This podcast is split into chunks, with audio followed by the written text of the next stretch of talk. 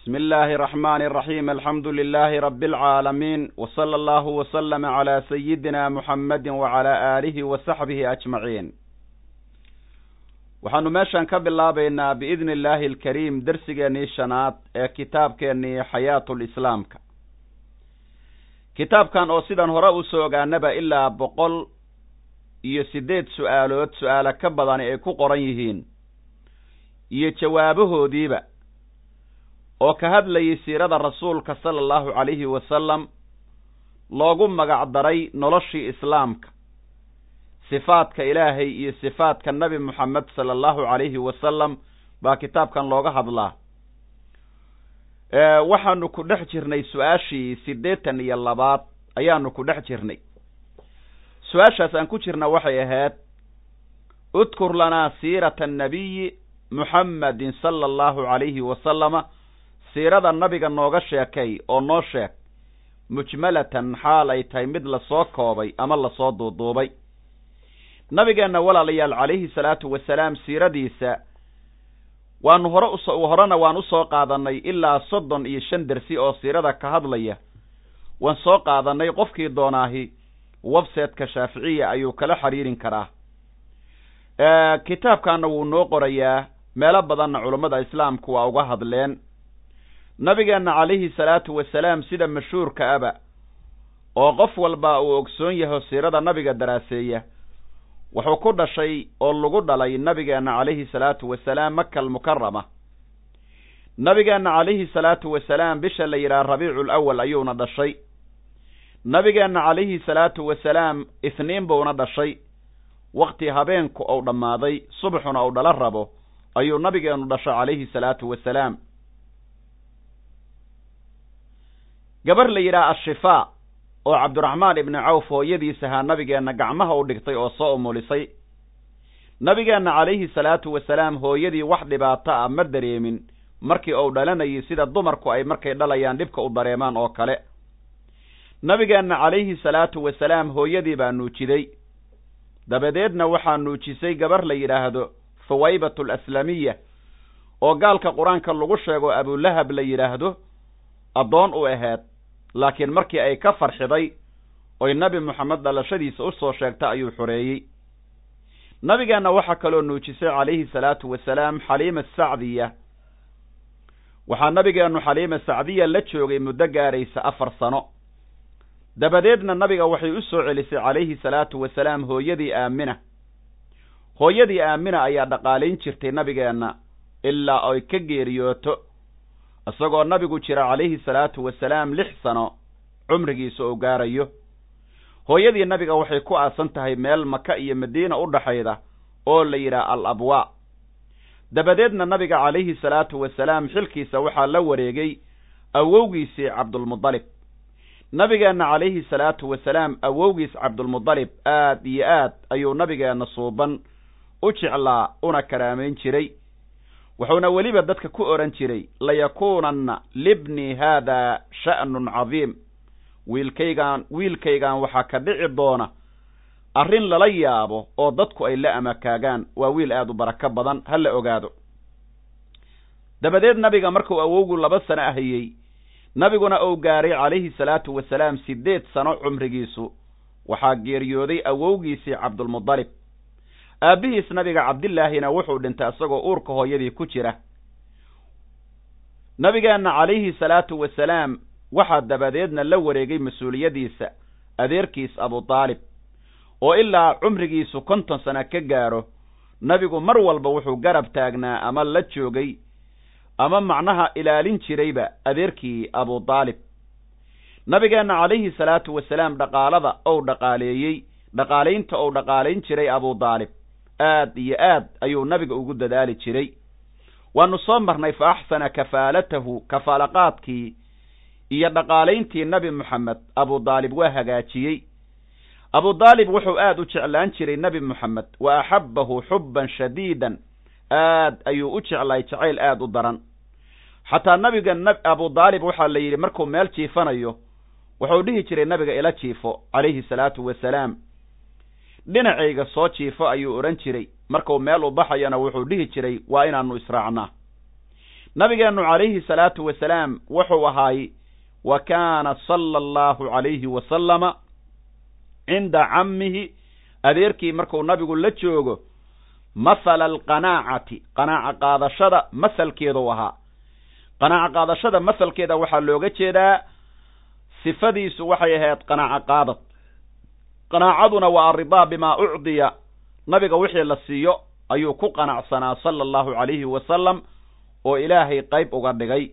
Isagoo yar meesha ilmuhu shay kale hunguriyeeyaan oon iyaga loogu talagelin nabigu kama daba ordi jirin kamana daba hadaaqi jirin sala allahu calayhi wasalam wuxuu nabigeennu markuu yaraa carruurta uga bedelnaa dheesha ilmuhu ay dheelaan iyo ciyaaraha xuxun ay ciyaaraan ma ciyaari jirin wa kaana sala allahu calayhi wasalam nabigeennu wuxuu ahaa cinda cammihi mathala alqanaaca waalbucdi can illahwi wallacibi. Horaan u soo marnay. Ciyaarta iyo dheesha mid ka fogaada ayuu ahaan jiray.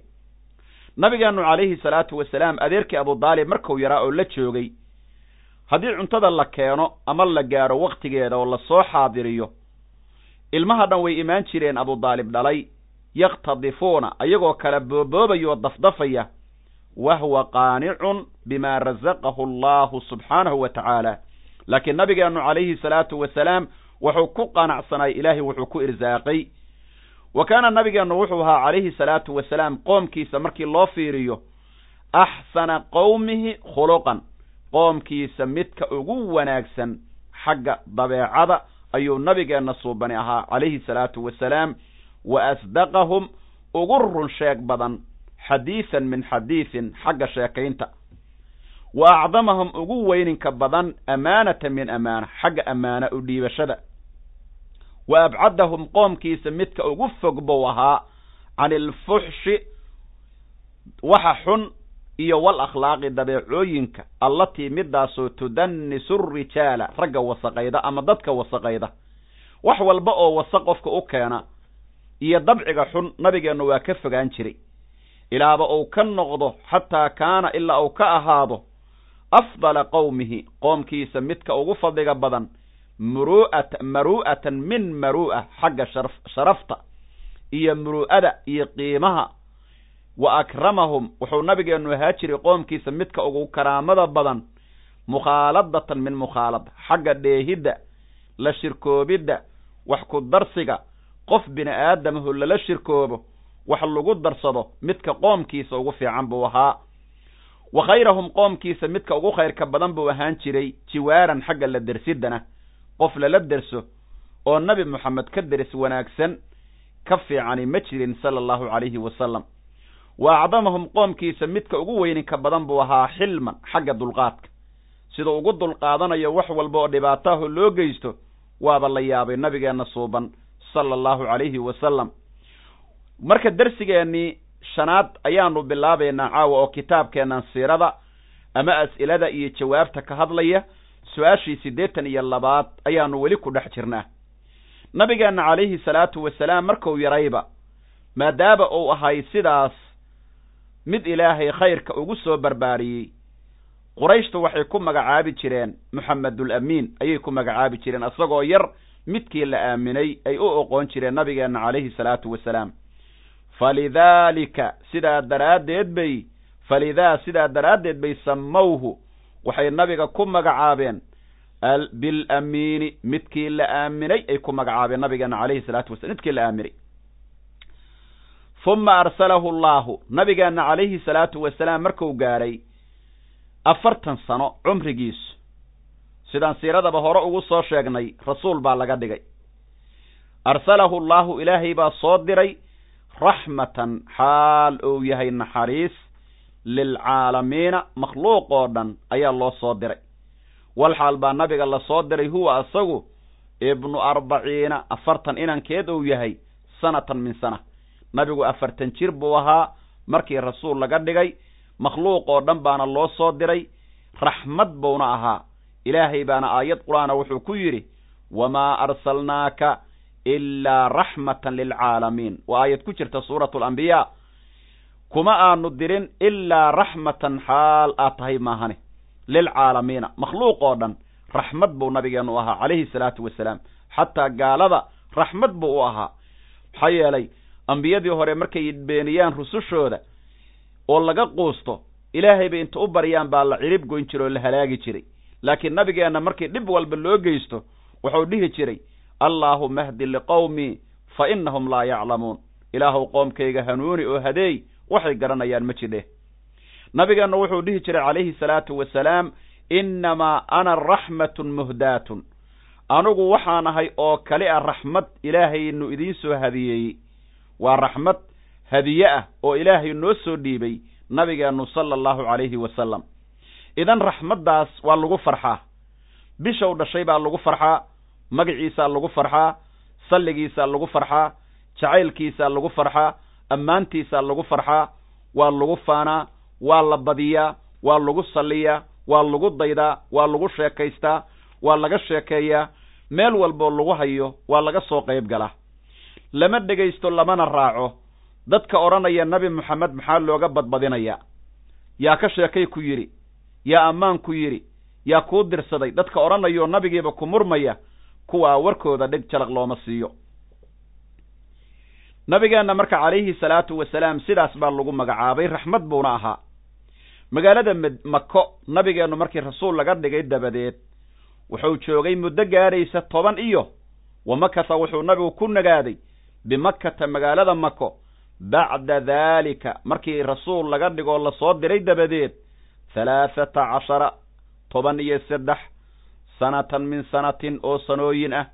Yadcu nnaasa dadka xaalu u yeerayo ilaa cibaadati illaahi tacaalaa ilaahay cibaadadiisa ayuu ugu yeerayaa dadka wuxuu odhanayaa war ilaahay caabuda war ilaahay ka baqa war asnaamta ka hara war ilaahay rumeeya.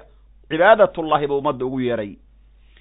Ilaa markii dambe la yidhaahdo ka hijroo magaalada mako oo madiine iska ah leanna nabigu markuu madiine aadayey idan la'aan iskama tegin amarka ilaahay buu ku aaday sala allahu calayhi wasalam ilaa an ataahu ilaa uu nabiga uga yimaado al-idnu ogolaashadii bilhijrati loo ogolaaday ila almadiinati oo u hijroodo madiinadaasoo almunawarati almunawarati la nuuriyey nuurkii nabi moxamed lagu nuuriyey sala allahu calayhi wasalam nabiga ilaa hijrada looga ogolaado maka ayuu joogay toban iyo saddex sano ayuuna dacwada ka faafinayey oo dadka ugu yeerayey in ay caabudaan ilaahooda subxaanahu wa tacaala. Marka dadkuu nabigu u yeeraya marka la leeyahay waxa weeye ummaddiibuu cibaadatullah ugu yeeraya. Cibaadadu luqada waa alkhuduuc watadallul sharcigana waxaa la yidhaha khuduuc tadallul oo markaa rabbinimo ruuxa laysku dullaynayo rabbinimo loo aamino khuduuc walba oo qofka loo khuduucaahi ma ahan cibaado ma aha. Ilaahay nabiyullaahi aadam wuxuu yidhi malaa'igta u sujuuda waa u khuduuca. Waxaa kaloo la yidhi qofkaad wax ka baranaysaan isku macnaha u khuduuca. Waqfid janaaxaka liman itabacaka min almu'miniin. Waqfid jana waqfid lahumaa janaaxa dulli min alraxma. Nabiga maxaa lagu yidhi qofkii ku raaco mu'miniinta garabka u jilci u raarici. Waalidiinta maxaa la yidhi garabka u raariciya raxmad daraaddeed shay walba oo marka la tacdiimiyo oo in la caabuday macnaheedu ma aha. Shayga haddii la sharfo oo la tacdiimiyo oo la yidhaha nabigeenna aan weynayno waa la caabudaa la odhan mayo. War dadka ilaahay ixtiraamay annaguna aan ixtiraamno haddii la yidhaahdo oon qiimayno waa la caabudaa hala soo odhan hala soo boodin. Aayad ku jirta suuratu nnaas ilaahay wuxuu suuratu xaj ilaahay wuxuu yidhi waman yucadim xurumaati illaahi fa huwa khayrun lahu cinda rabbih ilaahay waxyaabaha uu xurmeeyey qofkii weyneeya taabaa u khayr badan baa la yidhi. Shay walba oo la tabarugo haddii lagu yidhaha shaygaanu barakow leeyahay macnaheedu ma aha in la yidhaha waa la caabudaa. Ka qubuuri alambiyaa waalawliyaa wasaalixiin maaddatu ducaa sideedaba cibaado kaliya looma isticmaalo. Maxaa yeele la yidhaha dacaaba macna aad aragto waa u yeeray haddaad ba aragto waa caabuday macnaheedu ma aha. Maxaa yeele ambiyadu dadka bay u yeerayaan way la hadlayaan. Marka yeerid waxa weeye oo loo yeero oo shayga macnaha marba ee hebel la yidhaahdo in la caabuday maaha. Hadda haddii nabiga la yidhaha yaa rasuula allah dad baa waxay odhanayaan nabi maxamed oo dhintaad u yeeratay oo waa hore geeriyooday waad caabuday may nabigu isagoo wafaaday kabacdi bay asxaabtii u yeereen. Sayidinaa cumar baa wuxuu dhahayey yaa rasuula allah istasqi liummatika fa innahum qad halakuu nabiga ilaaheeyow ummadaada waraab oo ilaahay u weydii way halaagsameen ayuu dhahayo wey markuu geeriyooday ka bacdi. Marka waxa weeye rasuulkii isagoo wafaaday baa loo yeerayaa yaa rasuula allah yaa rasuula allah inii atawasalu ilayka bifadli illah allahuma inii atawasalu atawasalu ilayka wa atawajahu ilayka wa astashficu ilayka bijaahi nabiyina muxamed sala allahu calayhi wasalam baa la odhanaya waana saxiix. Marka waxa weeye ducada haddii la yidhaahdo luqatu ducaa annidaa yeerid weeyi. Masalan ba macnaha waxa weeye nabiyullaahi nuux oo kale wuxuu yidhi qaala wuxuu yidhi rabbi inii dacawtu qowmii leylan wa nahaaran falam yazidhum ducaa'iya ilaa firaara. Anigu qoomkayga waan waan u yeedhay oo khayrkaan ugu yeedhay habeen iyo maalin yeeridaydiina cararid oon bay u kordhiday marka yeerid weeye taasoo kaleeto dadkiibaa xaqii loogu yeerayaa fiiri oo waxa weeye ilaa sabiili illah udcu ilaa sabiili rabbika bilxikmati waalmawcidati alxasana waa loogu yeerayaa. Waman axsanu qawla miman dacaa ila allah wa camila saalixa. Wallahu yadcuu ilaa daari asalaam yeerid qur'aanka inta aad ku arkayso aad bay u badanta. Marka yeeridoo dhan haddii aad aragto macnaheedu ma aha caabud ma aha caabud ma aha. Ilaahay markuu odhanayo ituuga markuu odhanayo waxa weeye shayga haddaad u yeerato adigoo isku quduucinaya oo ilaahnimo u caabudsan u aaminsan oo ilaahnimo wax u weydiisato. Markaa weeye marka la odhanayo qof shayga aad u yeeratay waad caabuday. Marka la odhanayo markaa weeye. Marka dad baa taxriif badan iska samaynaya laakiin macnuhu noocaas weeyaan. Nabigeena calayhi salaatu wasalaam sidaas baa lagu tilmaamay. Nabigeena famakasa wuxuu ku nagaaday bihaa magaaladii madiino markuu u hijrooday cashra siniina toban sano ayuu iyadana ku nagaaday. Yadcu nnaasa ummadda xaalu ugu yeerayo ilaa tawxiidi saanici allaha saanica ah tawxiidkiis. Allaha saanica oo falka suuban tawxiidkiisuu nabigu ummadda ugu yeeray. Nabigeena calayhi salaatu wasalaam magaalada madiino wuxuu ku nagaaday muddadaa hadda aanu soo sheegnay isagoo dadka ugu yeerayaa tawxiidka. Tawxiidka marka la leeyahana ma ahan sida ay ahlu baadilku u qaybiyeen saddex tawxiid ma jiro. Ma jiro tawxiid la yidhaha tawxiid arububiya iyo tawxiid aluluhiya iyo tawxiid alasmaa waasifaat taqsiimkaas qolooyinka bidcooyinka ah ayaa sameeyey laakiin nabigeennu calayhi salaatu wasalaam ma sheegin. Ilaahayna qur'aankiisa kuma sheegin. Asxaabta nabiguna ilaahay raadiha ka noqdee saddex tawxiid ma sheegin. Taabiciintuna ma sheegin. Taabicu taabiciintuna ma sheegin. Salafkao dhanna ma sheegin culummadii ka dambaydoo wanaagsaneedna ma sheegin laakiin dadka ahlu baadilka ah ayaa jeebkooda kala soo baxay markaasi waxay doonayaan in ay diin nooga dhigaan. Ma jirto marka waxaa la yidhaha saddex tawxiid. Rabbi markii la yidhaha waa rabbi allaahu iyo rabbina isku hal daato ayay ka hadlaysaa. Allaahu rabbukum fiiri. Qur'aanka ilaahay wuxuu ku yidhi allaahu ilaahay rabbukum waa rabbigiina ina rabbakum rabbigiinu ina aladiina qaaluu rabbuna allah fiiri qur'aanka kuwii dhaheen rabbunaa rabbigeenu allahu ilaahay wey huma istaqaamuu rabbigii rabbigii baa la yidhi rabbigeennu waa ilaahay yaa kuu rabbi ilaahay yaa kuu ilaaha rabbi waa isla meeshii nabigeenna calayhi salaatu wasalaam nin baa u yimid markaasuu yidhi ii dardaaranoo waxaad ii sheegtaa shay aanan qof kale su'aal ka weydiin oo khayra ii dardaaran nabigu markaas wuxuu yidhi qul laa ilaaha ila allah huma istaqim. Laa ilaaha ila allahu dheh ku toosnaw markaa waddadaas. Macnaha ilaahay waddadiisa ku toosnaw. Marka waxaa la yidhaahdaa nabigeennu tawxiidku dadka ugu yeeri jiray dadku waa inay ilaahay qiraan oo shahaadada shahaadateynka la yimaadiin ee nabigeennu ummadda ma odhan jirin tawxiidkeed aaminsan tahay. Saddex tawxiid nabigeenna weligii lagama maqlin marka dadka saddexda tawxiid aaminsanow fartiintaa qaata ahlu baadil baa tihiin ka soo laabta baadilka caqiida xumada ah una soo laabta caqiidada saxiixa ah ee nebi moxamed laga soo gaaray sala allahu calayhi wasalam fa makasa bihaa nabigu wuxuu ku nagaaday magaalada madiino cashra siniina toban sano yadcu nnaasa dadka xaalu ugu yeerayo ilaa tawxiidi saanici. Allaha saanica oo wax sameeya alxakiimi ee xigmadda badan tawxiidkiisa iyo kaliyeelidiisa ilaahay ayuu nabigeennu calayhi salaatu wasalaam dadka ugu yeerayey sala allahu calayhi wasalam. Markii nabigeennu ummaddii xaqa ugu yeeray islaamkii waa faafay. Faintashara alislaamu islaamkiibaa faafay intishaaran faafid kahiiran fara badan aad buu islaamkii u barakooday. Wa kusirat alasnaamu asnaamtiina waa la burburiyey wa quhirat alkafaratu gaaladiina waa la qasbay oo waa la qahro waa laga adkaaday iyo walmushrikuuna mushrikiintiiba waa laga adkaadayo kulligood waa la qahray sannadkii nabigeenna uu soo xajinayey hadda waa kaasa xajkii nabigii baa tegey eber ayagii baa la baabashay makana waa laga qabsaday markii dambe sannadkii sideedaad waa tii lala wareegay kabacdi waxa weeye wakaasa walam yazal nabigeennu kama zuulin daaciyan in uu yahay mid ummadda ugu yeeraya ilallaahi ilaa tawxiid illah ilaahay tawxiidkiisa iyo diintuu nabigu ugu yeeri jiray. Ilaa an nazala ilaa ay ka soo degooto qowluhu tacaala ilaahay qowlkiisa aayaddan suuratu lmaa'ida alyawma maanta ayaan akmaltu kamilay oon dhammaystiray lakum adinka diinakum diintiina maanta ayaan idin dhammaystiray. Wa atmamtu calaykum dushiinna waxaan ku taam yeelay nicmatii buu ilaahay yidhi nicmadayda waradiitu lakumlislaama waxaana idinkaga raadi noqday islaamka diinan min diinin xagga diin ahaan islaamkan raadi idinkaga ahay buu ilaahay yidhi subxaanahu wa tacaala.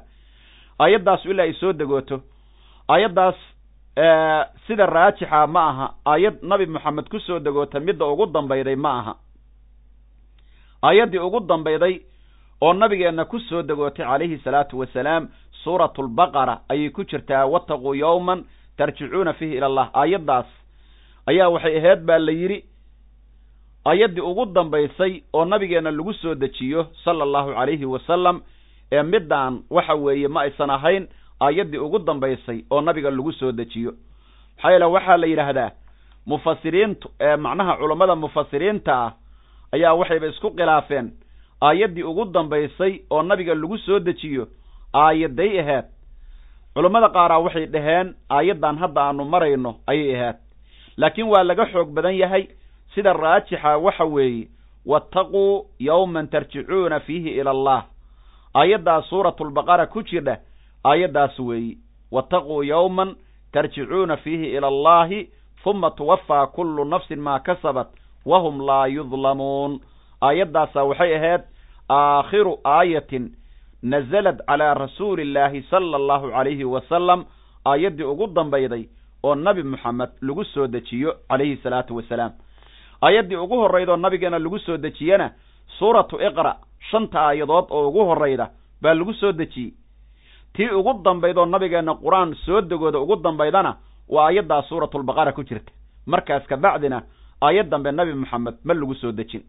Laakiin aayaddan hadda aanu marayno oo suuratulmaa'ida ku jirta kabacdigeed nabigu calayhi salaatu wasalaam muddo ilaa siddeetan habeen ka badan buuba noolaa. Qur'aan kalea ku soo degooday waa laga rajaxsan yahay. Waa laga raajixsan yahay aayaddan inay qur'aanka ugu dambaysa ayad soo degoota wa tuwafiya wa tuwafiya nabiga waa la oofsaday sala allahu calayhi wasalama. Nabiga waa la oofsaday xaggee madiino. Wa dufina nabiga waxaa lagu aasay bilmadiinati almunawara magaaladii madiino ee la nuuriyey. Nabigeennu wuxuu geeriyooday maalin isniin ah. Macnaha waxaan rabaa ee isniin buu nabigu geeriyooday maalin ah. Guriga umuna caaisha ayuuna ku geeriyooday. Isagoo umuna caaisha ku sintaacsan ayuuna geeriyooday. Bisha rabiicul awal la yidhaahdo oo nabigu ou dhashay ayuuna geeriyooday. Isniinta nabigeenna ku dhashay calayhi salaatu wasalaam isniintana nabiga rasuul baa laga dhigay calayhi salaatu wasalaam. Xajaru aswadka meesha uu yaallo nabigeennu markuu dhigayana isniin bay ahayd. Nabigeennu calayhi salaatu wasalaam markii uu hijroodo oo ka baxay magaalada makana isniin bay ahayd. Nabigeennu markuu magaalada madiine galana isniin bay ahayd. Nabigu markuu geeriyoodana isniin bay ahayd. Intaasoo arrimood waxay ku wada jirtaa isniinta oy wada dhaceen nabigeennu markuu wafaaday sala allahu calayhi wasalam waxaa la yidhaahdaa dadkii aad iyo aad ay asxaabtu u murugoodeen. Aad bay u murugoodeen. Sayidina cuhmaan oo kaleeto maba hadlaynba. Aad buu iskaga aamusay. Sayidina cumar oo kale wuxuu yidhi qof dhihi kara nebi moxamed baa dhintay maba jiro. Sayidinaa abubakar wuu maqnaa.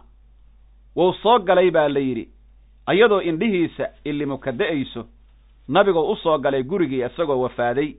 Markaasuu ka dhunkooday labada indhood meesha u dhaxayda. Markaasuu wuxuu yidhi biabii wa ummii dibta xayin wa mayitan aabbahay iyo hooyaday waq lagugu furtee waad wanaagsanaatay nabi moxamedow nolol iyo geeriba nabi wanaagsan baa tahay calayhi salaatu wasalaam wuxuu fuulay sayid abubakar mimbarka. Markaasuu wuxuu yidhi waano dadka dhan uu ku dejinayo qalbigooda ayuu akhriyey oo qalbigooda uu ku sabar siinayo. Nabigana wuxuu dadkii u caddeeyey in uu geeriyooday sala allahu calayhi wasalam oo nabi moxamed uu ka tegey dunida calayhi salaatu wasalaam nabigeenna waa la mayray ayadoo maradu ku geeriyooday ay dushiisa ku jidho ayaa lagu mayray. Saddex mayritaan saddex mar baa biyaha dushiisa lagu hoobiyey marka ugu horrayday biyo saafi ah oon waxba ku darnayn baa nabiga lagu mayray. Markii labaadna biyo geed la yidhaha sidriga caleentiisa oo la burburiyey waa meesha hadda shaambada laga isticmaaloo kale ah lagu daray ayaa lagu mayray. Marka saddexaadna kaafuurka udgaya biyo yar oo lagu qasay odeygaas ayaa nabiga lagu mayray. Yaa mayray nabigeenna saxaabiga mayrayuu ahaa nabigeenna maydkiisa ama macnaha waxa weeye jismigiisa dahirsan maydkeennoo kale maahane nabigeenna jismigiisa yaa mayray sayidina cali ibnu abi taalib radia allaahu canhu ayaa mayray. Yaa caawinayey oo u kaalmeeyey oo markii la mayrayey la qabqabanayay sayid cali waxaa la qabanayay oo la shaqaynayay sayid cabbaas. Iyo laba wiilow dhalay oo la kala yidhaahdo fadli binu cabbaas iyo qusam ayaa waxaa la yidhi la shaqaynayey waxaa biyaha iyaguna ugu shushubayay oo hawsha wax ka qabanayay. Saxaabi la yidhaahdo usaame iyo saxaabi kaleoo la yidhahdo shuqraan oo indhahooda weliba maro lagu duuduubay. Nabigeenna markii la mayray calayhi salaatu wasalaam saddex maro oo cadcad ayaa lagu karfanay sala allahu calayhi wasalam oo aysan ku jirin qamiis iyo cimaamad saddex maro. Nabigeenna markii la mayray calayhi salaatu wasalaam waa loo bukhuuriyey oo udoga ama bukhuurka ayaa loo shiday udginaya oo markii maydadka la mayro in loo shido sunnada ay tahay. Nabigeenna markii la mayray calayhi salaatu wasalaam waxaa la dul saaray sariirtii. Markaa macnaha waxa weeye korkeedii. Nabigeenna calayhi salaatu wasalaam qaabkee loogu tukaday janaasada waxaa loogu tukaday asxaabtu qayb qayb bay u soo galaan. Qof qof imaam u noqonayana ma jiro qof kastaahu iskiisa ayuu nabi moxamed ugu tukaday calayhi salaatu wasalaam nabigeenna markii la dhaqay oo la karfanay oo janaasada lagu tukaday saddexdaasu waxay ahayd maalinka talaadada ah. Maxaa yeele nabigu isniin buu geeriyooday. Talaadana maydkiisu bannaanka ayuu yiilay arbacadii ayaa nabiga la aasi doonaa sala allahu calayhi wasalam asxaabtu waxay isku qabteen nabi moxamed xaggeen ku aasna. Marka qaar baa waxay dhaheen masjidka. Qaarna waxay dhaheen may qubuurta baqiic qaarna waxay dhaheen magaalo la yidhaahdo khaliiluraxmaan oo waddanka baytulmaqdes nabi ibraahim ku aasan yahay aanu geyno. Intaasoo dhan waxaa ka beddelnaayey hadalkii abubakar sidiiq sayidina abubakar oo yidhi nabi moxamed meesha naftu uga baxday meel aan hayn lagu aasi maayo. Maxaa ile rasuulkan ka maqla buu yidhi anugu isagoo dhahaya laa yudfanu nabiyun ilaa xaysu qubida. Nabi walbaa meesha nafta uga dhacdo meel aan ahayn ma lagu aasin karo. Nabi walba xaggee lagu aasaa meeshay nafta uga baxdo meel kale laguma soo aaso. Markaasay arrintii go'aamiyeen god baa loo qoday iilna waa loo sameeyey. Walow kaanat iddunyaa taduumu liwaaxidin lakaana rasuulu llahi xayan wa baaqiyan. Hadday adduunya qof soo dhowaynayso nabi moxamed baa joogin lahaa calayhi salaatu wasalaam. Marka nabigeennu wuxuu ku geeriyooday calayhi salaatu wasalaam wa tuwufiya sala allahu calayhi wasalama bilmadiinati almunawara wa dufina waxaana lagu aasay bilmadiinati almunawara sala allahu calayhi wasalam cumrigiisa oo jira lixdan iyo saddex sano ayuuna nabigu geeriyooday. Nabigeenna calayhi salaatu wasalaam waxaa la yidhi godka waxaa dejiyey caliyu bnu abi daalib marka la gelinayey iyo sayid cabbaas iyo labadii wiiloo hadda aan soo sheegnoo kaalmaynayey nabigeenna calayhi salaatu wasalaam habeen arbacaah ayaana la aasay. Sida loo badan yahay isniin buuna geeriyooday arbacadii ayaana la aasay. Nabigeenna calayhi salaatu wasalaam waxaa la yidhaahdaa taariikhda aan soo sheegnay ay ahayd aasidiisa iyo wafaadkiisa. Cumrigiisuna waa kan wahuwa nabigu wuxuu geeriyooday. Walxaal huwa nabigu ibnu halaatha wa sittiina sana lixdan iyo saddex sano cumrigiisu ou marayo nabigu markuu geeriyoonayey diintan buu nooga tegay walaalayaal calayhi salaatu wasalaam bacda an taraka. Markuu ka tegey kabacdi buu geeriyooday. Lanaa annaga uu nooga tegey nabigu qur'aanan qur'aan qur'aankaasoo cadiiman weyn qur'aankaasoo laa ya'tiihi albaatilu.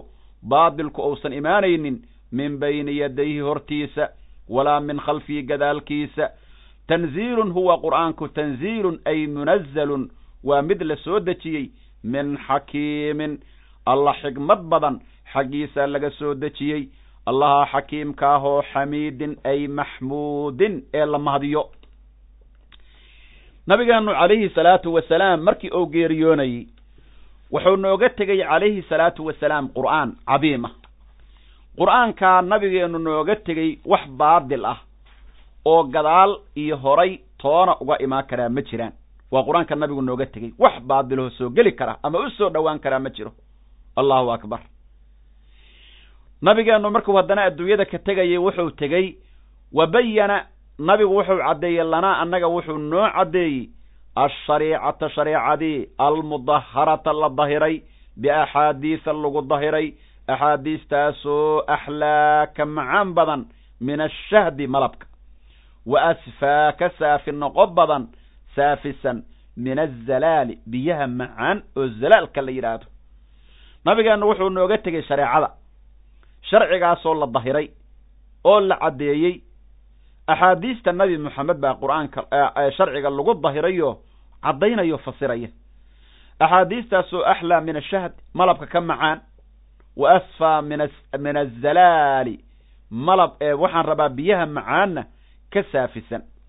Zalaalka waxaa la yidhaahdaa maaun bibaadini duudi ilmaa walaysa bixayawaan bal calaa suurati ilmaa waxaa hadda looga jeedaa biyahan calaa xaasil maau lcadbu assaafi albaaridu assahlu lmuruur fi lxalqi waa biyo macaan oo saafi ah qabow oo marka la cabayo dhuunta si fiican u maraya biyahaasaa la yidhaahdaa maau zalaal ayaa la yidhaha maau zalaal biyaha nuuca ah axaadiis ka saafisan oo ka nadiifsan oo xagga malabka ka macaan badan ayaa lagu dahiray shareecada.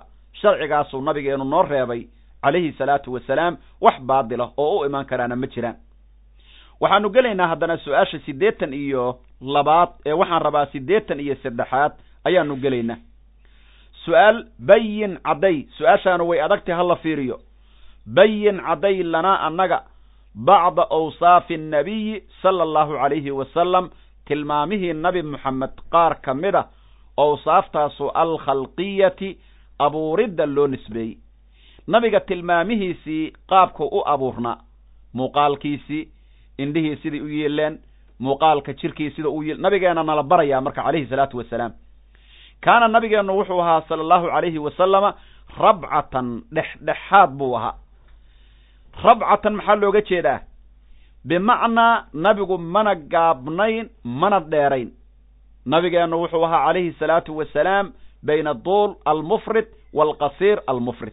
Gaabi iyo dhir ayuu nabigeennu u dhaxeeyey sala allahu calayhi wasalam ila duuli dhirirka ayuu aqrabu u dhowaay gaabida iyo dhirirka markii la fiiriyo dhirirka xaggeedu xiga.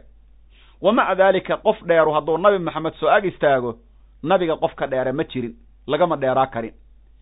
Xagga midabka haddii la yidhaha nabigu ma caddaa ma madooba ma gududnaa see ahaa waatan ashara allowni midabkiisu nabiga mid ou saafi yahay oo caddaantiisu ay aad u ifaydo ayuu nabigu ahaa. Ay saafiyalbayaadi caddaantiisu miday saafi tahay. Oo aad u cad. Caddaantuna ma ahan caddaan oo foolxumo keenaysa. Waa caddaan wanaagsan weeyaan cadiima ara'si nabiga madaxiisu mid oo weyn yahay madax yar. Madaxa yar badana waxaa la yaraanta badan. Waxaa ka dambeeya caqligana sidaasoo kaleeto. Laakiin nabiga madaxiisu madax weynin foolxumaana ma aha waxaa laga hadlayaa madax weyn oo qurxoon ayuu nabigu lahaa. Nabigeenna calayhi salaatu wasalaam xasana shacri shacri tintiisu miday wanaagsan taha buu ahaa. Nabigu tintiisu ma ahayn tin adag nabiga tintiisu ma ahayn. Tin googo'dana ma ahayn. Sida dadka waxa weeye ifriqiyiintoo zinjiga ah oo kaleeto ah. Waxay ahayd shadiidu subuudati wa shadiidu aljucuudati macnaha din tin aada u wanaagsan ay ahayd baa la yidhaahdaa oo aan ahayn waxa weeye mid adag oo dhawaaqaysaas markii loo taabto. Tin adag ama tin foolxun ama waxaaso nabigu ma lahayn tin aad u wanaagsan buu nabigeenu lahaa calaa xaasil calayhi salaatu wasalaam haddii la yidhaha nabigeena calayhi salaatu wasalaam ciro ma laha. Kitaabkaa noo sheegaya walam yashib kama ciroobin min ra'sihi nabiga madaxiisa wa lixyatihi garkiisa ilaa sabcata cashara toban iyo shan shacratan min shacratin oo tin maahan nabigeena calayhi salaatu wasalaam madaxiisiiyo garka marka la isku daro toban iyo waxaan rabaa toddobo sabcata cashara toban iyo toddobo tin baa ka cirowday wax yar weeyaan waa wax yar qaliil weeyaan intaa bisa ka cirowday. Nabigeenna haddii la fiiriyo sala allahu calayhi wasalam goonka haddii la fiiriyo jabiin. Jabiinka waxaa la yidhaahdaa maktanafa aljabhata yamiinan wa yasaaran fawqa sudqayn. Halkaa wejigaaga ah oo ishana ka soo korayda sudqaynka halkaa ka korayda. Dad waxaa jira gooman ku leh oo laba lafood oo geesaha ah wejiyadiisu gooman noocaasa leeyihiin marka waxa weeye koodad baan rabaa koodad ay leeyihiin macnaha gooman ma ahan koodad bay leeyihiin ood laba gees geeso u malayso nabigu ma lahayn. Waasic aljabiini koodadkiisu miday waasic yihiin buu ahaa. Jabiinka meeshaa lafta hadda aanu sheegnay ma ahayn lafo taagtaagan oo geesa camala ma ahayn ma lahayn wejiga nabigu fooxumadaas. Nabigeenna haddii indhihiisa la fiiriyo indho yar oo circiriiri ah ma ahayn. Indho waaweyn oo foolxumaa ma ahayn indho qurxoon buu lahaa subanuhu calayhi salaatu wasalaam. Waxaa ka sheekeeyey saxaabi la yidhaahdo xasaan ibnu thaabit abuurista nabi moxamed sala allahu calayhi wasalam. Markaasuu wuxuu yidhi nabigeenna buu yidhi weligay qof ka qurux badanba maarag ceeb oo dhanna nabigu ma lahayn calayhi salaatu wasalaam. Nabigeenna calayhi salaatu wasalaam dadka midka ugu qurxoon buu ahaa buu yidhi wiil ka qurux badan iyo qof ka qurxoonna hooye maba dhalin adduunka intuu ilaahay abuuray haddii laysku daro makhluuqa ilaahay abuuray oo nebi aadam ka soo farcamay waxaa ugu qurxoonaa nebiyullaahi yuusuf nabiga la yidhaahdo. Nabi yuusuf quruxdiisa dumarkiibaa xataa ku fidnoobay sida suuratu yuusuf ba aanu ka arki doonno insha allah. Nebiyullaahi yuusuf oo quruxdiisii heerkaa la gaadhay oo dadkii qaar ay dhaheen wakhtigaa joogay ma malag baa qurux badana quruxda uu haystay haddii laysku daro adduunka quruxdiisoo la kala baro bar bay aheed baa la yidhi. Ay la ekeed nebi moxamedna calayhi salaatu wasalaam barkii kale yaaba loogu darayba. Marka nebi moxamed calayhi salaatu wasalaam wuxuu ka qurxoonaa xataa nebiyullaahi yuusuf calayhi wa calaa nabiyina afdalu asalaati wassalaam nabigeenna iyo ambiyada oo dhanba dushooda badbaado allaha yeele marka nabigeennu calayhi salaatu wasalaam wuxuu ahaa anjala alcaynayni labadiisa indhood mid ay nabigeenna calayhi salaatu wasalaam waasic yihiin buu ahaa. Ay waasic alcaynayni labadiisa indhood baa waasic aheed. Maca xusnin wanaag lala qabo oo fiihimaa labada indhood ku sugan indho qurqurxoon oo waasicah oo jeexoodu qurxoon yahay oo muuqaalkoodu qurxoon yahay oo bilicdeedu qurxoon tahay. Markii indhaha gudahooda la fiiriyo nabigeenna calayhi salaatu wasalaam ashkalahumaa mid indha shaqlan buu ahaa indha shaqlan oo shaqlanaanta maxaa looga jeedaa? Isha meesha yarta ah oo xadaqada la yidhaahdo oo isha muruxdeeda ku dhex taalo madowga yarka ah. Bini aadamku horta waxaa la yidhi madowgaas bay wax ka arkaan. Inteeda kale inteeda kale midabka ah midab caddaan badan hadduu yahay waa foolxumo hadduu yahay guduud fara badanna waa foolxumo caddaan iyo guduud isku dheehan bay ahayd. Meesha yartaaho madowgaana aad bay u madoobeed marka nabigeenna sunniyihiisa iyo markaad ahdaabta fiiriso oo baararka aad fiiriso markaad sunniyihiisa fiiriso markaad isha gudaheeda fiiriso xadaqadeeda fiiriso wejigiisa markaad fiiriso jabiinkiisa markaad fiiriso dhabankiisa markaad fiiriso hareedkiisa markaad fiiriso wejiga oo dhan marka la soo fiiriyo quruxba waad la yaabaysa sala allahu calayhi wasalam macnaha siduu u qurxoon yahay nabigeenna oo ilaaha khaaliqa ah u abuuray khuliqta mubara'an min kulli ceebin ceeb oo dhan adoo lagaa beryaalay ayaa nabiga ilaahayo lagu abuuray buu yidhi. Xusaan ibnu thaabit ashkalahumaa indhihiisu miday shaqla yihiin buu ahaa. Ay fii bayaadi caynayhi labadiisa indhood caddaanta meesha cad caddaanteeda waxaa ku dheehneed xumratun guduud baa ku qasneed guduudkaas baa ku dheehneed allahu akbar. Nabigeenna haddii la fiiriyo calayhi salaatu wasalaam meesha la yidhaha xadaqada ama moyda loo yaqaano madowgeeda adcajahumaa labadiisa indhood moydeedu miday aad u madow yihiin buu ahaa. Moyda maxaanu uga jeednaa? Waxaa looga jeedaa meesha yartaho wax laga arko yartaho madowga ah oo isha dhexdeeda ah aad bay u madoobeed ay shadiida sawaadi alxadaqati xadaqada maxaanu dhahnay? Madowga isha. Xadaqa xadiqana waa la yidhaahdaa fasixatuna waa la yidhaha fasi fasiixa fasiixa iyo xadiqa carabiga ay shadiida sawaadi alxadaqati moyda madowgeedu aad buu u darnaa wa shadiidu bayaadi albayaad sidaas weeyaan madowga meesha moyda ah aad buu u darnaa weeyaan wa shadiidu bayaadi albayaad caddaanta caddaankeeduna aad buu u badnaa meeshaasoo kale ayada waxaa la dhihi jiray waxa weeye way iska ziyaado weeyaan. Maxaa yaele intii kale horay baa loo soo sheegay. Wa shadiidu bayaadi albayaadi caddaanka caddaankiisu aad buu u darnaa. Meesha dheeraad bay ku taal dhihi jira kitaabka. Wax dheeraad ah weeye. Nabigeenna calayhi salaatu wasalaam ahdaba alashfaari ahdaba alashfaari buu nabigu ahaa sala allahu calayhi wasalam nabigeenna baararkiisu miday tima baararkiisu miday timan badan yihiin buu ahaa. Hud ahdaabka waxaa la yidhaahdaa ama hudbiga waa macnaha waxa weeye labada indhood foodahooda ama galalkooda foodahiisa timaha ku yaallaa badnaay. Shafriga waxaa la yidhaha meesha tintaanu ay ka dhalato isha galkeedaas. Isha waxay leedahay gal kore gal hoose oo loogu talagalay isha markii wax qalad iyo fiiri maagto in la isku dhajiyo xabsigaa lagu xiro marka jafniguna waa daboolka isha saaran hoos iyo kor. Hudbiba hudbi marka waxaa la yidhaahdaa meeshaa baarka ah. Meeshaa koreeto sunniyaal baa la yidhaha kuwa sidaa qaansada camal u galgaloolan sunni baa la yidhaha kuwaana baar baa la yidhaahdaa. Ahdaba alashfaari nabigeenna calayhi salaatu wasalaam xiribyaalna culammada qaar baa dhaha. Ashfaartiisa ama xiribyaalkiisa timaheedu way badnaayeen. Baararka indhihiisa foodahooda ku yaal way badnaayeen macnaha timahaasu way badnaayeen.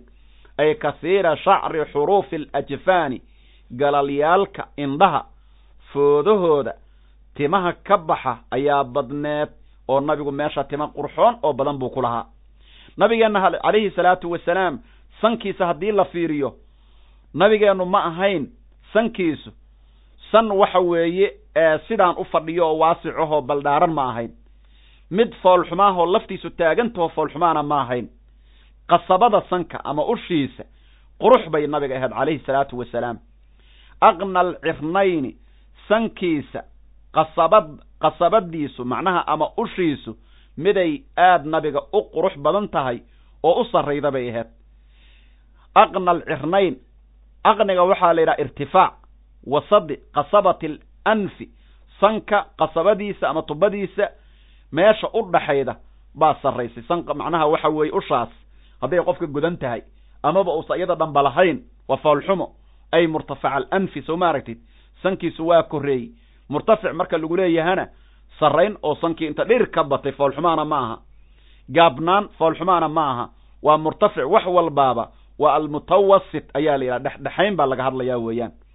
Aqna alcirnayni sankiisu cirnaynku waa sanka qasabadiisa ama tubadiisu waa meeshaan dhexe ah mid ay sarraydo oo qurxoon tahay bay ahayd ay murtafica alanfi nabiga haddii la yidhaha calayhi salaatu wasalaam dhinaca haddii la fiiriyo dhamanka ama daanka sahla alkhaddi dhamankiisu ama daankiisu miduu shuban yaha buu ahaa. Marka daankan marka laftan ku dhowo halkaa koodadka ah ama goonka la yidhaha iyada oo ishiga aga dhow haddii lafahaanu macnaha waxa weeye ay gooman waaweyn qofku hadduu leeyahay waa foolxumo nabigeennu ma lahayn. Daan shuban oo qurxoon iyo gar weyn oo qurxoon buu lahaa. Ay hayra murtafi ay hayri murtafici lwajnatayni ay hayri murtafici lwajnatayni labadiisa nabigeenna calayhi salaatu wasalaam labadiisa goon mid ay sarraydo hayrkiis buu ahaa. Gooman sarsareeyo waaweyn ma lahayn. Dhaan shuban oo qurxoon oo gooman foolxunu aysan ku ool ayuu lahay weeyaan. Oo qurxoon macnaha saasaa looga jeedaa. Haddana waxaa la fiirinayaa afka nabiga. Af yar oo waxa weye in wax lagu cunoba ay dhib tahay oo fasaaxadiisu qofku markuu af yar yahay waxaa la yidhaha fasaaxaduna ma badna. Ay wa nabigeennu marka wuxuu ahay waasic alfami afkiisu midoo waasic yahay af ciriiri ah oo fasaaxo lahayn ma lahayne af weyn oo dilaaciisu foolxumo yahana afka nabigu ma ahayn mid qurxoon baa looga jeedaa ilkaha nabiga haddii la fiiriyo ilka laaka maahay nabigeennu calayhi salaatu wasalaam ilka laako. Laakada waxaa la yidhaahdaa ilkaha isdul saaran dad baa waxaa jira laba ilig baa iska soo dulbaxayda nabigeennu calayhi salaatu wasalaam fanaxyo buu lahaa fanaxyada marka laleeyahana ma aha fanaxyo oo waxa weeye foolxumo ahoo ilig walba ilisha iligta kale ay ka fogaatana ma aha. Waa ilko meeshii fanaxda loogu talagalana qurux ah intooda kaleetana quruxa saasuu nabigu lahay baa la yidhi. Mutafarij alasnaani ilkihiisu miday kala baxsan yihiin buu ahaa. Ay mutamayisan waxaa socnaay bacduhaa ilkaha qaarkood min bacdin qaybta kale ay ka socnaayeen. Ilkahaa qurxoon oo kala baxsan oo midii loogu talagalay fanaxdu fanax leedahay inta kalena caadi yihiin ayuu nabigu lahaa. Haddii la fiiriyo nabigeenna garkiisa kafa lixyati nabigeennu wuxuu ahay garkiisu miduu badan yahay garkiisu wuu badnaa gar badan buu nabigu lahaa calayhi salaatu wasalaam. Cadiimu lixya ay qali ay qaliidahaa adaygeedaa dara gar macnaha garku tibuhu markay badnaadaan way adkaanayaan. Nabigeenna wejigiisao dhan markii la fiiriyo wa mudawil alweji wejigiisu miduu wareegsan yahay ayuu nabigu ahaa calayhi salaatu wasalaam.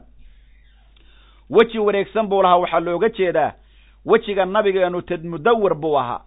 Wejiga nabigeennu mustadiir buu ahaa axaadiistu ku soo arooreen. Nabigeenna haddana haddii la fiiriyo wejigiisu nuur baa ka bixi jiray. Yatalla'la'u wejhu nabiga wejigiisu waa hilaacayey waa walwalaclaynayey nuur baa ka walacwalac lahaa. Kalqamari sida dayaxa oo kale laylata albadri habeenka afar iyo toban ou marayo dayax afar iyo tobnaada wejiga nabi moxamed baa ka nuur badnaa sala allahu calayhi wasalam maxaa yeele nabiga wejigiisu dayaxa wuu ka nuur badnaayo nuur oo dhanba nabiga xaggiisa ayuu ka ahaaday.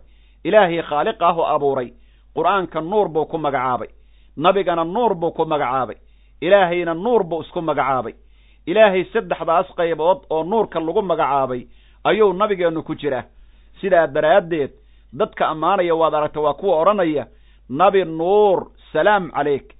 Nabiyullaahi nuur nabigii nuurka miiran ahaayo iftiinku ka baxayow salaamun calayka korkaaga badbaado allah yeelo. Waa duco. Haddii aadan macnaheeda oqoon sida bidcada ha la soo boodin markii nabi ammaanka aad maqasho ah waxa la sheegaa waa maxay? War ha ordine shayga la sheegayo macnaheeda u fiirso. Nabi moxamed tilmaan ou leeyahay haddii lagu ammaano oon lagu xadgudbin in uu nuur ahay lagu ammaano in uu cadday haddii lagu ammaano in uu qurxoonaa haddii lagu ammaano in uu meeldhexaad ahay haddii lagu ammaano in uu raxmad ahay haddii lagu ammaano in uu deeqsi ahay haddii lagu ammaano dhammaantood ilaahay qur'aankiisa iyo axaadiista nabi moxamed ayaa lagu tilmaamay sala allahu calayhi wasalam cunuquhu nabiga qoortiisa haddii laga hadlo marka. Cunuquhu nabiga qoortiisu min safaa'i alfidati fidada middeeda saafiga saafiga asharu waa ka sii iftiin badneed qorcad oo qurux badan ou nabigu lahaa calayhi salaatu wasalaam kaana cunuquhu jiida dumya nabiga qoortiisu aad bay u qurxooneed. Wa fiihi waxaa ku sugnay qoorta nabiga duulun dhirir dhirirkaasoo mufridun xadgudubsan aad bay ay u dheereed. Qoor dheer buu lahaa laakiin dhirir foolxumaana ma aha kamaa jaa'a sidii timid can ummi macbadin alkhusaaciya fi lkhabar gabar la yidhaha ummu macbad khabar iyo qiso laga wariyey baa sidaa qoraya umu macbad qofkii taariikhda akhristay wuu maqlayaa qofkii ku tixnay siirada aanu akhri jirnana wuu maqlay waxa weeye umu macbad nabigeennu calayhi salaatu wasalaam markii uu hijrooday oo uu ka baxay magaalada maka oo israaceen abubakar sidiiq iyo rasuulkeenna calayhi salaatu wasalaam waxay sii mareen waddadii intay madiine u sii socdeen gabar la yidhaha umu macbad oo carabta ka mid aheed oo reer qusaaci aheed gabadhaas waxay ahayd gabadha degan waddada la maro. Waxay quudin jidhay qof kasta oo musaafira oo meesha soo mara deeqsiyad bay ahayd ninkeediina wuu maqnaa markii ay soo marayeen. Gabadhii bay soo mareen. Sayid abubakar iyo nabigeenna iyagoo safar dheer ku yimid. Markaasuu nabigu wuxuu yidhi umu macbadey wax la cuno mahayda aad baan u dhibaataysana ama wax la cabo markaasi waxay tidhi sanadkan abaar buu ahaa xoolihii oo dhan waa waa waa ka tageen. Wax laydin siiya lama arko. Aad baa dhib u jiraa wax aan idinku marti qaada ma hayo. Guriga markaa waxaa ku sugnaa ri weyd ah oo abaar daraaddeed meel kula dhacday oo xataa ariga la foofi weyday ayaa meeshaa geedka iska dhex taal. Geedkaa hoostiisay macnaha meel bay fadhiday. Nabigu markaas wuxuu yidhi ridaas aan caana ka maalne noo fasax. Waxay tidhi haddii ridaa caana laga heli karo yaaba ka fiicanba fasaxaad u qabta haddii caana aad ka helaysaan. Nabigu sidaasuu rida ibaheedii gacanta inta u marmariya caana ilaahay amarkiis. Isla hal mar ayay darartay. Nabigu weel ii keena buu yidhi weel baa loo keenay calayhi salaatu wasalaam. Markaasuu nabigu ridii lisay. Weelasha keensada caanaha cabba waa la cabbay. Markaasay oo nabigii iyo abubakar iska baxeen ninkeediyaa yimid. Gurigii caanaaba yaal gurigii abaarta ahay caanaaba dhoobanba. War hebley xaggee caanahan ka ahaadeen. Waxaana soo maray nin nuucaa ah oo nuucaa ah oo sidaa u qorxoon oo sidaa u nuur badan oo sidaa u qoor dheer. Nabiga qoortiisay ammaantay oo tilmaantiisay sheegtay oo muuqaalkiisay sheegtay. Ridaanna asagaa ilaahay caanahan ka siiye bay tiri. Marka waxa weeye qisadii gabadhaa umu macbad la odhan jiray sida ay qoraydaba nabigeenna calayhi salaatu wasalaam wuu qoor dheeraa. Nabigeenna wuxuu lahay wax la yidhaha khaatamu nubuwa wa kaana khaatamu nubuwati nabinimada khatimideedu bayna katifay katifayhi labada garab oo nabiga dhexdooday ahayd. Khaatamu nubuwa waa abuuris hilib ilaahay meel ku abuuray. In nabi moxamed ambiyada ugu dambeeyo ilaahay abuurtay baa ku shaabadeeyey oo ku abuuray nabi moxamed calayhi salaatu wasalaam.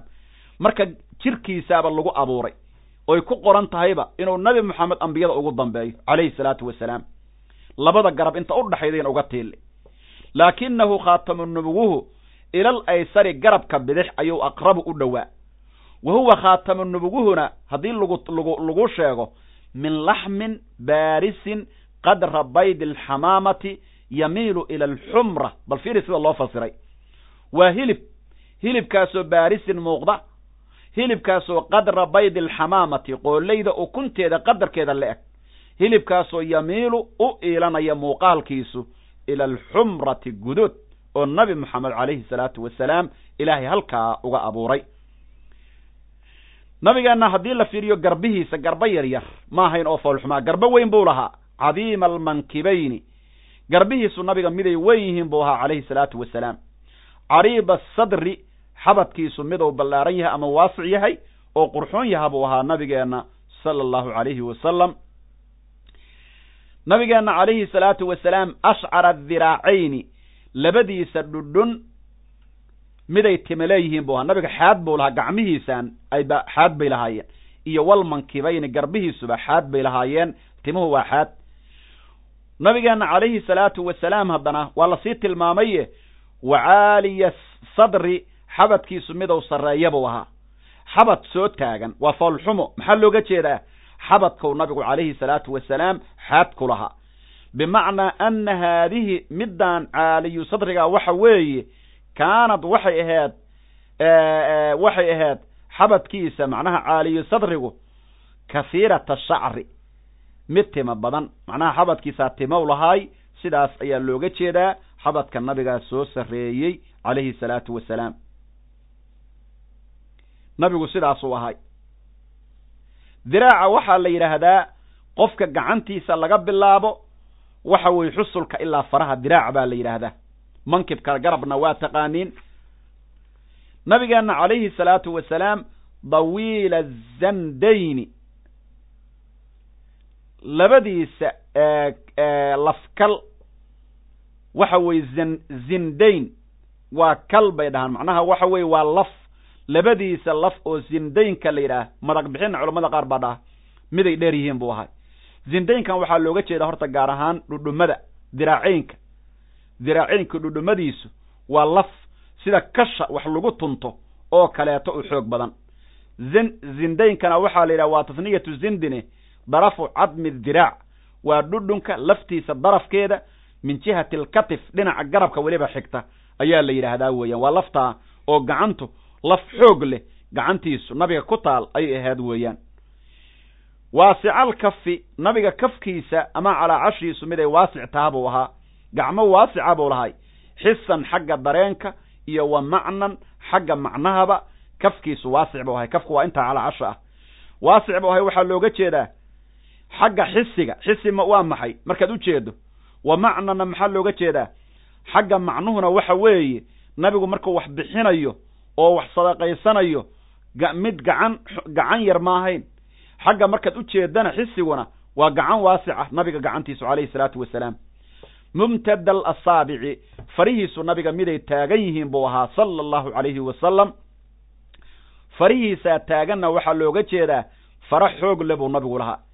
Wadaalika arrintaanoo dhammu kinaayatun waxay ka macnaha waa qarsoodi oo la qarinayo oo laga kinaayoonayo can dumuuri badnihi waxaan rabaa ay qaliidahumaa dhe mumtada alasaabici ay qaliidahu qaliidahaa nabiga gacmihiis farihiisu miday taagan yihiin buu ahaa. Ay qaliida mar hadday taagan yihiin wax ad adag miya may ay qaliidaha adaygoodu min kayri ifraadin xadgudub la'aan buu ahaa. Badnuhu nabiga calooshiisa iyo wasadruhu xabadkiisu sawaaun bay ahaayeen. Nabigu xulus soo taagan ma lahayn. Xabadkiisa calooshiisa waa sinaayeen. Ay mustawiyaani waa ekaayeen. Wadaalika arrintaasu kinaayatun waxay tahay sarbeeb iyo kinaayo can dumuuri badnihi calooshiisa duubnaanteeda ama boglaalnaantiisa calooshiisa ay duubantoo baahan tahay baa looga jeedaa. Dakma alkaraadiisi kala baxyaalkiisu nabiga miday wen yihiin buu ahaa. Karaadiisku waa maxay? Nabigu karaadiis buu lahaa wax la yidhaahdo karaadiistana waxaa looga jeedaa waa kullu cadmin naamin dakmin ow ra'si alcadmi dilmukhi ay cadiima cidaami almafaasili kala baxyaalka lafahoodu miday wen yihiin buu ahaa. Nabigeenu calayhi salaatu wasalaam halkaa xabadkaa waa nagii dhahnow tima ku lahaaye lahu waxaa u sugnaatay shacaraatun timayaal xaad ah min labbatihi halkaa boodboodada la yidhaha ama rubadda laga bilaabo ilaa surati xudunta inta laga gaaro xaad buu nabigeenu xabadkaas ku lahaa ama jirkaas wa kaana fii saaqayhi nabiga labadiisa shansho waxaa ku sugnaa xumuushatun jileec nabiga shanshooyinkiisu shanshooyin aad macnaha u wanaagsan oo aad u nuur badan ay diqatun jilacsan jilaacu waxa weeye macnaha waxay leeyihiin laftuna waa xooggan tahay hilibkiisana nabigu sidaasuu ahay shanshadiisu miday u wanaagsan tahay. Masiixa alqadamayni labadiisa gomadood nabiga waa masaxneed miday masaxan tahay oo tirtiran tahay maxaa looga jeedaa? Labadiisa gomadood waa masaxan tahay waxa weeye gomadihiisu waa sisib kuma sugna jajabid iyo dildilaac dad waxaa jira lugahooda ama cagtoodu ay jilif yeelatay oo ay dildilaacdo oo jawjawrarto oo markaa taabato aad ka dareemayso sida bini aadamkuba u badan yihiin qaybo badan oo ka mid ah. Laakiin nabi moxamed calayhi salaatu wasalaam cagtiisaa markaad u taabato ma lahayn wax jajab ah wax dildilaac wax jawrar ah ma lahayn gomadihiisu nabigeena suuban sala allahu calayhi wasalam manxuusa alcaqibi ciribtiisu nabiga calayhi salaatu wasalaam miday hilib yarta u ahay. Dad waxaa jira cirbaha hilib ku leh oo cagtooda foolxuma hilibkaa ciribtu ay ku noqonayso laakiin nabiga laf ciribtiisu hilib foolxumaa ma lahayn. Ay qaliila laxmi mu'akhiri alqadami gomodda meesha ugu dambayda hilibkeedu waa yaraay macnaha nabigeenna calayhi salaatu wasalaam ciribtiisu hilib foolxumaa ma lahayn nabigeenna abuuridiisoo dhan markii la fiiriyo muctadila alkhalqi. Abuuriddiisu way dhexdhexayday. Fii jamiici sifaati daatihi daatadiisa shariifada oo dhan markii la fiiriyo sala allahu calayhi wasalam. Nabigu markuu soconayo socodkiisu ma ahayn shaafeertan ma ahayn mid qalqalloocan ma ahayn isjejebin wuxuu ahay socod wanaagsan oo saanta mar la wada qaadayo fiican oo qurux ah. Wa kaana nabigeennu wuxuu ahaa calayhi salaatu wasalaam idaa mashaa haddii uu soconayo taqallaca socodka mid go mid socda mid soo gooyo xoog u soconaya. Ay mashaa taqallaca waa soo fujinaya socodka. Saamahuu soo wada qaadaya mid isjejebina oo waxa weeye nuuca shaafeertana ma ahayn. Taqallaca waa fuqu fujinaya ay mashaa biquwatin xoog buu u soconaya. Ka'annamaa waxaadba u moodaa yanxaddu inuu ka soo hoobanayo min sababin meel korayda ay makaanin munxadirin meel hoobad ah munxadir oo daadeg ah. Qof ka soo hoobanayo iscelinaya saantiisu waa saan nuuca a nabi moxamed oo degan oo aan deg degna ahayn foolxumana ahayn isjejebinna ahayn shaafeertan ahayn baa looga jeedaa wa maca daalika intaa la jirkeeda isagoo sidaa u soconaya fa kaana mashyuhu nabi muxamed nabi moxamed calayhi salaatu wasalaam socodkiisu wuxuu ahaa hownan tartiib ay bisakiinatin xasilooni iyo wa waqaarin xibnu culays. Walaa yadribu nabigeennu ma garaaci jirin biqadamihi gomadiisa kuma garaaci jirin nabigeenna suubani calayhi salaatu wasalaam markuu soconayo alarda dhulka kuma garaaci jirin. Dadka nabigu markuu fiirinayo fiirada nabi moxamed ou fiiriyaa waxay ahaan jirtay fiiro wanaagsan. Waidaltafata haddii uu milicsanayo oo meel fiirinayo iltafata jamiican dhammaan ayuu qofka fiirinaya nabigeenu calayhi salaatu wasalaam. Macnaha fiirinta uu fiirinayo waa jamiican kulligii weeyaan. Ma ahane fiirin oo qofka il dhinac looga fiiriyo iyadoo sidii wax la yeesayo uma fiiri jirin. Nabigeenu calayhi salaatu wasalaam wa kaana wuxuu ahaa khaafida darfi araggiisu miduu hooseeyo wahwa taasuna kinaayatun. Waxay sarbeeb ka tahay can liini jaanibihi nabiga dhinaciisa jileeceedo nabigu dadka uu u jilecsan yahay iyo wa shiddati xayaa'ihi xishoodka nabiga oo aad u daran. Calayhi salaatu wasalaam aad buu u xishood badnaay nabigeennu. Aad buuna macnaha dadka ugu jilecsanaay marka darafkiisu xoogay waa hooseeya waxaa looga jeedaa darafku waa aragga. Dadka isha kuma gubo nabi moxamed calayhi salaatu wasalaam nabigeennu sida kaleeto cirka inuu fiiriyo iyo dhulka inuu fiiriyo waxaa u badnaay dhulka inuu fiiriyo. Maxay dhulku waa meeshii dhammeed oo lagu tafakurayay nadaruhu nabiga fiiradiisa ila al dhulka uu fiiriyabaa aqrabu u dhoweed min nadarihi fiiradiisoo ila samaa cirka uu fiiriyo. Dhul fiirinta ayaa u dhoweed. Liannahu maxaa yeelay fiirinta dhulku ajmacu lilfikri fekerka lagu fekero makhluuqa ilaahay isaga ayaa u kulmin badan wa awsacu lilictibaari cibro qaadashadana isagaa u waasicsan nabigeennu markuu qoslayo calayhi salaatu wasalaam qosalkiisu ma ahayn qahqaha feere ka qosol ma ahayn walaalayaal feerahoo laga dhawaajiyo ma ahayne dhoolla bir buu ahaa waa dhoolla qosli jiray nabigeennu calayhi salaatu wasalaam wa kaana daxikuhu nabiga qosolkiisu wuxuu ahaa tabasuman ilka caddayn buu ahaa ama dhoolla caddayn buu ahaa nabigeenna calayhi salaatu wasalaam muusaw culammada qaar baa dhah mutawaasila alaxzaani murugyaalka nabi moxamed miday xidhiiraan buu ahaa. Murugtiisu waa xidhiirta waxaa looga jeedaa nabigu mar walba aakhirow ka murugaysnaa calayhi salaatu wasalaam. Jullu nadarihi nabiga fiiradiisa mucdamkeeda. Jullu nadarihi bal fiiri nabiga fiiradiisa mucdamkeeda macnaha fiirada nabiga inteeda badan almulaaxadatu milicsi bay ahayd ay mucdamu nadarihi nabiga fiiradiisa. Waxa weeye mucdamkeedu bilixaadi alcayni isha dhinaceeday ahayd ay shiqahaa isha jeexeeda. Nabigeenna calayhi salaatu wasalaam dadka markuu fiirinayo qofku waa soo fiirinayaa saasuu u fiirinayaa waa soo wada milicsanayaa laakiin isha oo dhan inta kala qaado qofka ku gubi maayo. Walam yakun ma ahayn fiiradiisu ka nadrati ahlilxirsi dadka waardiyaha ahalka u ah say ummadda indhaha ugu gubaan oo kale nabi moxamed ummadda indhaha uguma gubi jirin. Nabiga indhaha uguma gubi jirin weeyaan. Sidaasuu nabigu ahaa calayhi salaatu wasalaam nabigeennu qofka ka dambeeyana sida qofka ka horreeya ugu jeedo ayuu ugu jeedaa.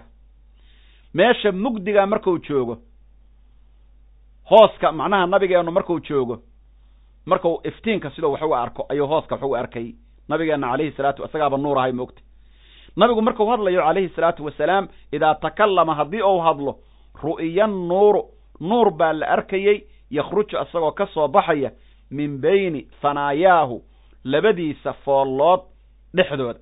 Ilkaha hore ayaa hanaayada looga jeedaa labadaa ilkoodoo hore dhexdooda nuur baa wah wah wah ka dhihi jiray nabigu markuu hadlayo calayhi salaatu wasalaam oo ilkihiisa dhexdooda laga arki jiray nabigeenna suuban sala allahu calayhi wasalam hanaayaadu waxa weeye waa waa ilkaha labada ilkooda ugu soo horayda weeyaan. Wa kaanat asaabicuhu nabiga farihiisu waxay ahayd kaannahaa waxaadba u moodaa qudbaanu fidatin fidada laamadeeda laamaha fidada oo kale ayaad nabi moxamed calayhi salaatu wasalaam u malaysaa farihiisa calayhi salaatu wasalaam farihiisu waxay shabahaan fidada. Waxaa loogu shabahayaa fidadu siday ay macnaha u wanaagsan tahay oo kale. Faraha nabi moxameda ka sii wanaagsanaa laamaha waxa weeye fidada quruxda ay qabaan qaybaheedu nabi moxameda ka sii fara qurxoonaa calaa cashiisa o dhan markii la fiiriyo kafuhu nabiga kafkiisu alyanu min alxariiri xariirta waa ka jilacsaneed xariirta waa ka jilacsaneed. Ilaa gacan markaa saa u taabato nabi moxamed waad la yaabaysaa kaannahaa waxaadba u moodaa gacanta nabigeenna kafu caddaarin barafuungadaha qofka loo nisbeeyey kafkiisa oo kale ama calaa cashiisa oo kale ayuuba shabahdaa anas binu maalik oo ka sheekaynaya nabigeenna gacantiisa wuxuu yidhi maa masistu qadun khazan walaa xariiran alyana min kafi rasuuli illaahi sala allahu calayhi wasalam weligay ma taaban xariir gacanta nabi moxamed ka jilacsan weligay anigu ma anan taaban buu yidhi nabigeenna markii uu ilmaha yararkaa la kulmo oo uu salaamayo gacanta ayuu nabigu madaxa ka saari jiray calayhi salaatu wasalaam. Maalin baa waxaa dhacay baa la yidhi nabigeenna suuban calayhi salaatu wasalaam meel buu u soo baxay. Markaabuu la kulmay carruur buu la kulmay. Gacanta ayuu nabigu calayhi salaatu wasalaam wejiga ka saaray. Markaa sidaa gacanta nabiga loo saaro udayga canugaa ka baxay waad la yaabaysaa.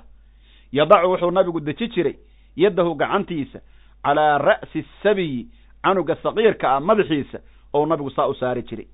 Markuu gacanta saaro fa yucrafu waxaa la oqoonsan jiray min bayni sibyaani ilmaha dhexdooda biriixihaa udaygii gacanta nabi moxamed carafteeda udgoon baa laga dareemi jiray. Nabigeenna calayhi salaatu wasalaam sidaasay gacantiisa udayg miran u ahaad haddii la fiiriyo nabigeenna dhididkiisa la mid maahayn dhididka bini aadamka walaalayaal waa tan wa caraquhu nabiga dhididkiisu ka lu'lu'i jawharta ayuu la mid ahay luulka la yidhaahdo filbayaadi caddaanta wa kal miski miskiga ayuu la mid yahay fi raa'ixati xagga udayga nabiga dhididkiisa markaad fiiriso se uu cad yahay jawhar baad u malaysaa luul la yidhaahdo markaad carafta ka fiiridana miskiga oo kale waaba ka caraf badan yahaaba. Nabigeenna calayhi salaatu wasalaam waxa weeye idaa daakaruu lwaadi lcaqiiqi waxaa jiran yudakirunii yudakirunii cuudulbakiiri cuudulbukuur cuudulbukuur weeye nabigeennu nabigeenna markii laga sheekeeyo calayhi salaatu wasalaam odaygo odayga oo dhanba nabi moxamed buu ka ahaaday mogta odayga oo dhanba nabi moxamed buu ka ahaaday calayhi salaatu wasalaam isagaa wax walba ka odayg badan waxaa la wariyey oo axaadiistu qorayaan nabigeennu in uu yimid gabadha la yidhaha umu sulaym oo uu qabay oo abu dalxa gurigeedu maalin yimid. Meel baa nabi gogol loo dhigay nabigeenna calayhi salaatu wasalaam. Nabigeenna calayhi salaatu wasalaam gogoshiibuu ku jiiftay. Markuu gogashii ku jiiftay baa la yidhi waa dhidide nabigeennu waa dhidide dhididkaas dhalooyin in ay ku shubteen oo dhala u dhigteen baa la yidhi. Dhididkii nabiga weel ay saas ugu macnaha marsadeen. Ee markii la su'aalo la yidhi maxaad ku samaynaysiin barakadiisa waxaanu u rajaynaynaa carruurteenna waxaanu ka samaysanaynaa barafuumada iyo waxa oo kaleeta bay dheheen baa la yidhi. Nabigeenna marka calayhi salaatu wasalaam dhididkiisu wax walba waa ka carfoonaa nabigeenna calayhi salaatu wasalaam luulka waa ka iftiin badnaa kaanna waa ka macnaha iftiin midabkiisu midab ifabuu ahaa dhididkiisana luul jawhar baad u malaysaa. Umuna caaisha waxay tidhi nabigeennu markuu dhidido kaana caraqu rasuulilah fii wejih mithlu lu'lu'i dayib adyabu min almiski aladfar miskiga midkiisa wanaagsan waa ka sii odeeg badnaa nabi moxamed tilmaamihiisa walaalayaal iyo siduu u yiilay quruxda uu qabay muuqaalka ilaahay ku abuuray wax yar weeye inta hadda aanu ka sheegnay yaquulu naacid waasifuhu midkii tilmaamayaa wuxuu yidhi lam ara qablahu nabi moxamed hortii ma arag walaa bacdahu gadaalkiina ma arag mithlahu nabi moxamed wax la siman sala allahu calayhi wasalam nabi moxamed wax la siman oo la derajo eg oo la sharaf eg oo la qurux siman oo la macnaha wanaag badan oo sida u carfooyan u carfoon oo si u indha qurxoonay u indha qurxoon oo si uu jir qurxoonay u jir qurxoon siduu u dabeecad fiicnaa ilaahay siduu u abuuray nabi moxamed oo kale ma arag calayhi salaatu wasalaam manaba jiraba. Marka nabigeenna suuban korkiisa badbaado iyo naxariis allaha yeelo shafaacadiisa ilaahay hana siiyo kuwii xafida sunnadiisa siiradiisa kudayashadiisa iyo daraasaadka diinta oo dhan allaha naga dhigo dersigeenna shanaad ee kitaabkeennii xayaatu lislaam fi alas'ila waalajwiba su'aashii siddeetan iyo saddexaad ayaa caawa halkaa noogu dhammaatay oo siirada nabigeenna calayhi salaatu wasalaam ilahay ha nagu anfaco. Intaasaanu ku soo koobayna wabillahi tawfiiq wassalaamu calaykum waraxmat ullaahi wa barakaatu